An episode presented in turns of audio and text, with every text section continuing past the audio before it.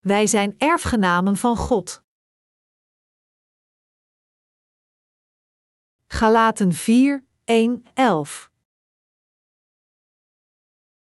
Ik bedoel dit, zolang een erfgenaam onmondig is, verschilt hij in niets van een slaaf, ook al is hij reeds de eigenaar van de hele erfenis. Hij staat onder voogdij en toezicht tot het door zijn vader vastgestelde tijdstip is gekomen. Op dezelfde manier waren ook wij, toen we nog onmondig waren, onderworpen aan de machten van de wereld. Maar toen de tijd gekomen was, zond God zijn zoon, geboren uit een vrouw en onderworpen aan de wet, maar gezonden om ons vrij te kopen van de wet, opdat wij zijn kinderen zouden worden. En omdat u zijn kinderen bent, heeft God ons de geest van zijn zoon gegeven, die Abba, Vader roept. U bent nu geen slaven meer, u bent kinderen van God en als zijn kinderen bent u erfgenamen, door de wil van God. Toen u God nog niet kende, was u onderworpen aan goden die helemaal geen goden zijn. Hoe is het dan toch mogelijk dat u die God hebt leren kennen, meer nog, door gekend bent, u opnieuw tot die zwakke, armzalige machten wendt en u daaraan als slaven onderwerpen wilt? U houdt u werkelijk aan vaste feestdagen, maanden, seizoenen en jaren? Ik vrees dat al mijn inspanningen voor u volkomen zinloos zijn geweest. De apostel Paulus zei dat hoewel al de heiligen en predikers Gods erfgenamen zijn die zijn koninkrijk zullen erven, terwijl we leven op deze aarde, zijn zij niet anders dan een slaaf en staan tijdelijk onder toezicht, en dat zij lijden onder de machten van de wereld voor een korte tijd. Hij zei: Hoewel u voor korte tijd in deze wereld als slaven leeft, moet u niet vergeten dat u Gods zonen bent die heel de rijkdom van God de Vader zullen erven. Deze boodschap werd niet alleen gesproken tegen Gods dienaren en al zijn mensen in die tijd, maar werd ook tegen ons gesproken. Om ons tot Gods kinderen te maken, liet God de Vader ons geboren worden onder de wet. En, toen stuurde Hij Jezus Christus onder de wet en heeft ons alle gered door ons vrij te kopen met het lichaam van Jezus Christus. Dus, God heeft ons die geloven in deze waarheid als Zijn eigen zonen en dochters geadopteerd. En de Heilige Geest, die in de harten van de wedergeborenen is gekomen, stelt ons in staat God als onze Abba, Vader te noemen. Inderdaad, net zoals de apostel Paulus en onze voorvaderen van geloof, verlangen we er naar gauw te leven met de Heer, of we nu naar Hem toe gaan of dat Hij naar ons toekomt. We hebben de grote hoop van erfenis en de vreugde van de erfenis van de Heer. Wij geloven stevast dat wij diegenen zijn die al de pracht en glorie die God de Vader heeft zullen erven. Sommige mensen redeneren dat heel het woord geopenbaard in openbaring een onbetrouwbare verzameling van mystieke gezegdes zijn. Er zijn diegenen die zich beroepen op onjuiste wetenschappelijke argumenten om te voorkomen dat anderen gaan geloven in Gods woord. Zij behandelen diegenen die geloven in zijn woord alsof zij dwepers zijn, maar deze mensen hebben het mis. De Bijbel zegt dat Abraham de Heer volgens het woord van God volgde, en al de mensen van geloof die geloofden in ieder woord van God leefden net zo door geloof en rusten voor ons. Zij wachten nu op de terugkeer van de Heer, en God beloofde ons dat als zijn tijd komt, onze Heer ons zal omhoog tillen van deze aarde en met ons in het duizendjarige koninkrijk zal leven. De Heer vertelde ons dat Hij de rechtvaardige zal laten genieten van alle pracht en glorie. Wij geloven in Zijn belofte. Wij zijn zeker de erfgenamen van de Heer. Ik geloof dat als we het duizendjarige koninkrijk binnengaan of voor de Heer staan, Hij onze tranen zal wegvegen, ons zal beschermen, ons zegent en ons alles geeft wat we willen. En als we naar Zijn koninkrijk gaan na ons korte leven op deze aarde, zullen we de onbeschrijfelijke glorie en vreugde overvloedig en eeuwig ontvangen. Gods erfenis verwijst naar Zijn koninkrijk. Zoals het gebed van de Heer zegt: Laat uw koninkrijk komen. Matthäus 6 uur 10. Het koninkrijk van God is al in onze harten gekomen. Als we de rest van onze levens leven voor de verspreiding van het evangelie, zullen we werkelijk Gods koninkrijk binnengaan, En als de Heer terugkeert, zullen al deze beloftes worden vervuld. Wanneer zal onze Heer dan terugkeren? Wanneer zal deze belofte van de terugkomst van de Heer worden vervuld? We weten niet precies wanneer het zal zijn. Echter, wat zeker is, is dat Hij zeker in de nabije toekomst zal komen. Wij geloven hierin. We zijn er absoluut van overtuigd dat het zeker voor al de mensen van God zal gebeuren te leven in het koninkrijk van de Heer. Zoals een rivier naar de zee stroomt, en met het passeren van de tijd, komen we steeds korter bij de dag dat wij het koninkrijk van God zullen erven. Gauw zal de tijd voor u en mij komen dat we Gods koninkrijk als ons eigendom zullen erven. Ieder uur gaat voorbij, zelfs als de klok stopt en de tijd vliegt hoe dan ook. Of we leven voor een dag of twee, de klok tikt verder ongeacht wat we doen. Zelfs op dit moment, als we samen aanbidden, vliegt de tijd voorbij, als we eten, als we het evangelie van het water en de geest dienen of bidden, als we voetbal spelen, als we negatieve of positieve gedachten hebben, vliegt de tijd voorbij. Met het passeren van de tijd zal de beloofde dag komen, en zullen we zeker het koninkrijk van God erven. We zullen zonder twijfel het koninkrijk van God erven. Wij geloven dat we heel de pracht en glorie van God zullen erven door te leven met onze goddelijke drie-eenheid, de Vader, Jezus Christus en de Heilige Geest. Dit is waar de apostel Paulus hierover spreekt. Paulus spreekt vaak over geloof, hoop en liefde als de drie deugden die de heiligen in hun harten moeten koesteren. Ook nu in onze huidige levens moet er geloof, hoop en liefde zijn, en van deze, de hoop dat het koninkrijk van God te zijner tijd vervuld wordt voor ons en dat wij volharden in geduld door al onze moeilijkheden en de race van geloof tot de finish zullen rennen. Mijn medegelovigen, er waren tijden dat ik ook, vol met jeugdige energie zat, maar de tijd is al zo ver voorbij gegaan dit ik nu mijn oude dag zie naderen. Ik kon de tijd niet tegenhouden hoe hard ik ook mijn best deed. Toen ik jong was, kon de tijd niet snel genoeg gaan, maar er kwam een bepaald punt in mijn leven dat de tijd zeer snel voorbij ging. Jonge mannen in Korea moeten op 20-jarige leeftijd in dienst gaan. Ieder van hen ontvangt een brief voor een lichamelijk examen om te worden aangeworven voor militaire dienst, en de tijd vliegt vanaf dan. Voorheen ging de tijd veel te langzaam voor mij, maar van toen af aan ging de tijd zo snel dat mij 30, 40 en 50 jaren over me heen vlogen als een vliegende pijl. Ik vroeg me altijd af: wanneer zal ik 60 worden? Maar ik ben nu al de 50 gepasseerd en ik ga nu naar 60. Hoewel mijn hart jong is, is de tijd voorbij gegaan en mijn lichaam laat zien dat ik de 50 gepasseerd ben. Nu, als nog meer tijd voorbij gaat, zal ik dan ook niet de rivier van de dood oversteken? Wie is aan de andere kant van deze rivier als we hem oversteken? De Heer wacht daar op ons.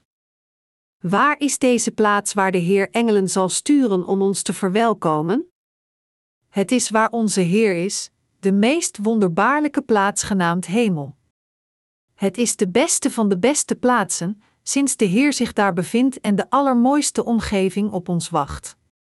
Als er genoeg tijd voorbij gaat, zal het koninkrijk van God van ons zijn. Het voor deze hoop dat we leven. De tijd vliegt zo snel dat dit jaar alweer bijna om is. Nu, als er nog een paar jaar voorbij gaan, zal het koninkrijk van God van ons zijn. Het is een geluk voor ons dat we in deze eindtijd leven. Ik ben zo blij een van de laatste renners van de evangelische race te worden genoemd. De hemel is van u en mij. Dat is waarom we zo vreugdevol zijn. Wij zijn feitelijk vreugdevol genoeg de vergeving van zonde te hebben ontvangen, en we hebben ook het geschenk van de hemel ontvangen, om te genieten van de pracht en glorie. Onze vreugde is niet te beschrijven, want met het passeren van de tijd, iedere pracht en glorie, eeuwig leven en alle zegeningen zullen van u en mij zijn. alle beloftes van God zullen zeker worden gerealiseerd als de tijd voorbij gaat. Echter, hoewel we op deze aarde verplicht zijn continu het werk van de Heer te doen, vurig werkend onze evangelische boeken en onze boeken van voeding te publiceren en te delen. Kort geleden werd het eerste deel van de serie over het Evangelie van Matthäus gepubliceerd, en het tweede deel zal gauw volgen sinds het nu vertaald wordt. Een ander boek over de eerste brief van Johannes is ook bij de drukker. Hebt u het eerste deel van de Matthäus-serie gelezen? Het is niet overdreven te zeggen dat we nu overvloeid worden met boeken. Voorheen was ik blij dat er een boek gepubliceerd werd, maar tegenwoordig worden zeven tot acht boeken per weer gepubliceerd. Dus door gewoon al naar de kaften van de boeken te kijken, vervult mijn hart met vreugde. Dit jaar zullen we meer en harder werken dan wat we tot nu toe hebben gewerkt. Als een baby geboren wordt, moet hij gezoogd worden door de moeder, want anders zou de baby sterven. Onze zusters weten dit waarschijnlijk beter, maar als een vrouw een kind baart, produceren haar borsten in de eerste paar dagen een speciaal soort van melk genaamd colostrum. Het is noodzakelijk dat het pasgeboren kind gevoed wordt met dit colostrum, omdat het al de voedingsstoffen en antilichamen bevat die nodig zijn om het immuunsysteem van de baby's te versterken. Baby's die gevoed worden moet colostrum groeien op tot gezonde kinderen. Als iemand het evangelische woord van het water en de geest heeft gehoord, het woord van God, en dient de gevolgen de vergeving van zijn zonde ontvangt, is het nog steeds voor hem noodzakelijk zich continu te voeden met het actuele en onmisbare woord van God. Na het colostrum moeten geestelijke jongeren ook melk hebben, en als zij eenmaal ontwend zijn, moeten ze overstappen op babyvoedsel, geleidelijk overstappend van papjes naar vast voedsel. Als we niet het noodzakelijke woord van God aan hen geven, dan zouden zij geen geestelijk voedsel krijgen. In Gods kerk is het verspreiden van het evangelie een pure noodzaak. Natuurlijk, zich voeden met het evangelie is zich te voeden met colostrum en melk. Bovendien, als we worden gevoed met een voedingrijk gebalanceerd dieet, kunnen we gezond opgroeien. Net zo moeten we een gebalanceerd dieet van het woord van God aan de nieuwe wedergeborenen heiligen over de hele wereld geven. Na het prediken van het evangelie van het water en de geest, dat verwant is aan het colostrum voor de pasgeborenen, moeten we hen continu voeden met geestelijk brood, onze boeken vertalend en publicerend over Matthäus, 1 Johannes en Galaten, als ook het Oude Testament. Alleen dan kunnen we groeien. Als ik de getuigenissen lees die naar ons gestuurd worden via e-mail, kan ik zien of deze persoon doorgaat met het lezen van onze boeken of niet. We weten dat van de huidige bezoekers aan onze website er meer terugkerende bezoekers zijn dan bezoekers voor de eerste keer. Diegenen die onze website eenmaal bezochten, komen steeds terug om nieuwe boeken te bestellen of om nieuwe e-boeken te downloaden. Dat is waarom ik ervan overtuigd ben dat we door moeten gaan met het publiceren en uitdelen van meer boeken. Mijn hart verlangt ernaar, maar mijn probleem is het gebrek aan energie. We moeten meer werken, maar we hebben de kracht niet. Maar ondanks dit zullen we doorgaan met onze literaire diensten. Als de series over het Evangelie van Matthäus, de eerste en tweede brieven van Johannes en Genesis een voor een gepubliceerd zijn, zullen veel zielen hun geloof zien groeien, sinds zij zich kunnen voeden met het noodzakelijke woord op het juiste moment en gevoed worden door deze boeken. Toen u de vergeving van uw zonden ontving, had u toen ook niet de drang naar het woord van God? Nadat u de vergeving van uw zonden ontving, moest u blijven luisteren naar het evangelie van het water en de geest. Hoe vaak moest u luisteren naar het noodzakelijke woord van God over de verschillende zaken om uw foutieve gedachten weg te pellen? Als u continu het woord van God hoort, zal het afval in uw harten worden verwijderd. U ging het woord van waarheid begrijpen, en u bent nu met heel uw hart met de Heer verbonden.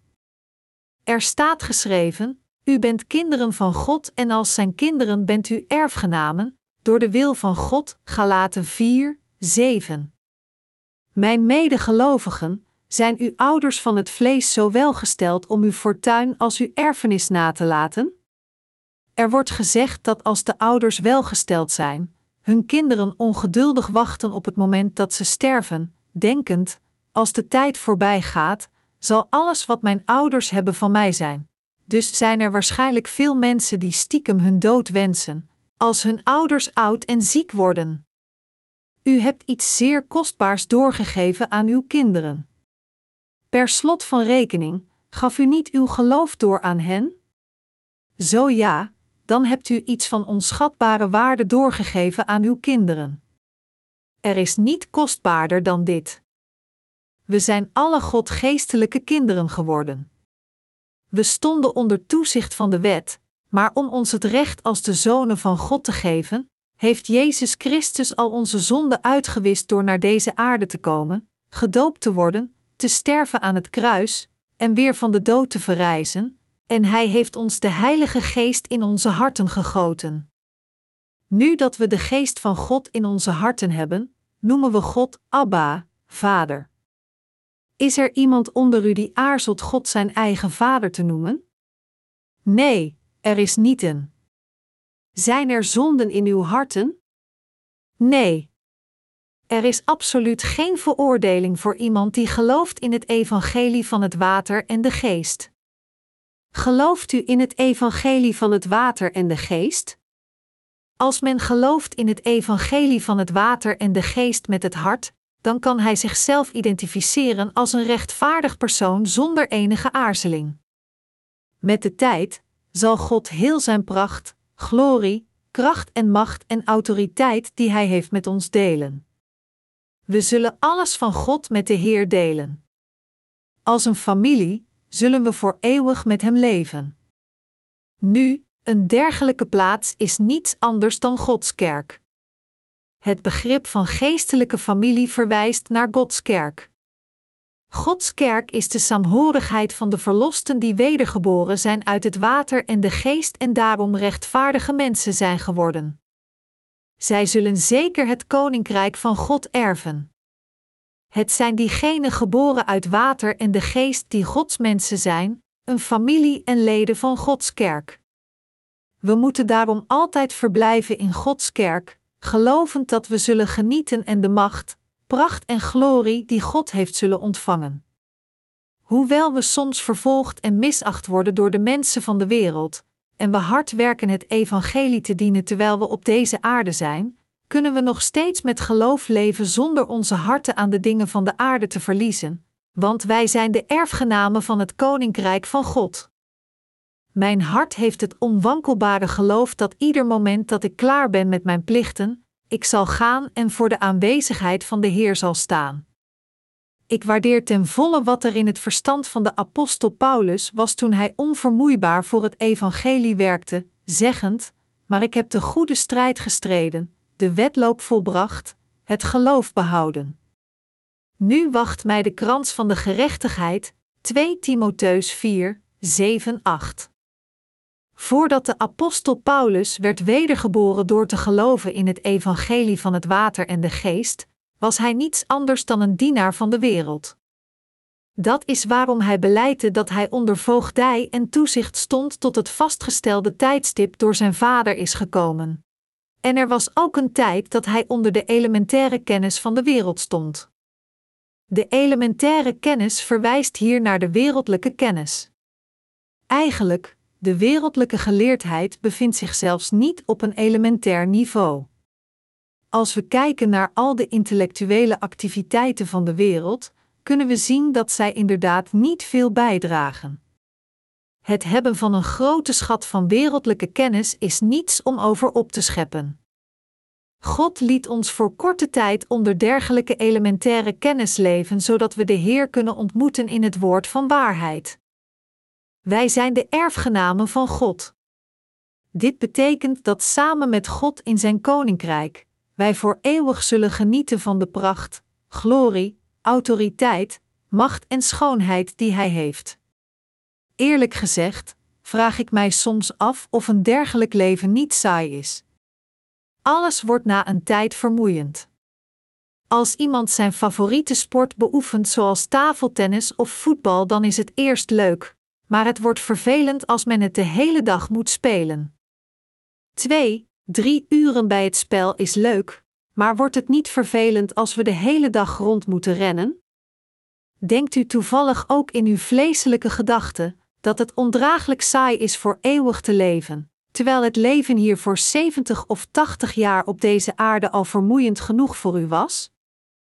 De Bijbel zegt dat we zullen genieten van de pracht en glorie in het koninkrijk van God, en langs de rivier van leven zullen de vruchten tijdens de gepaste seizoenen worden geboren.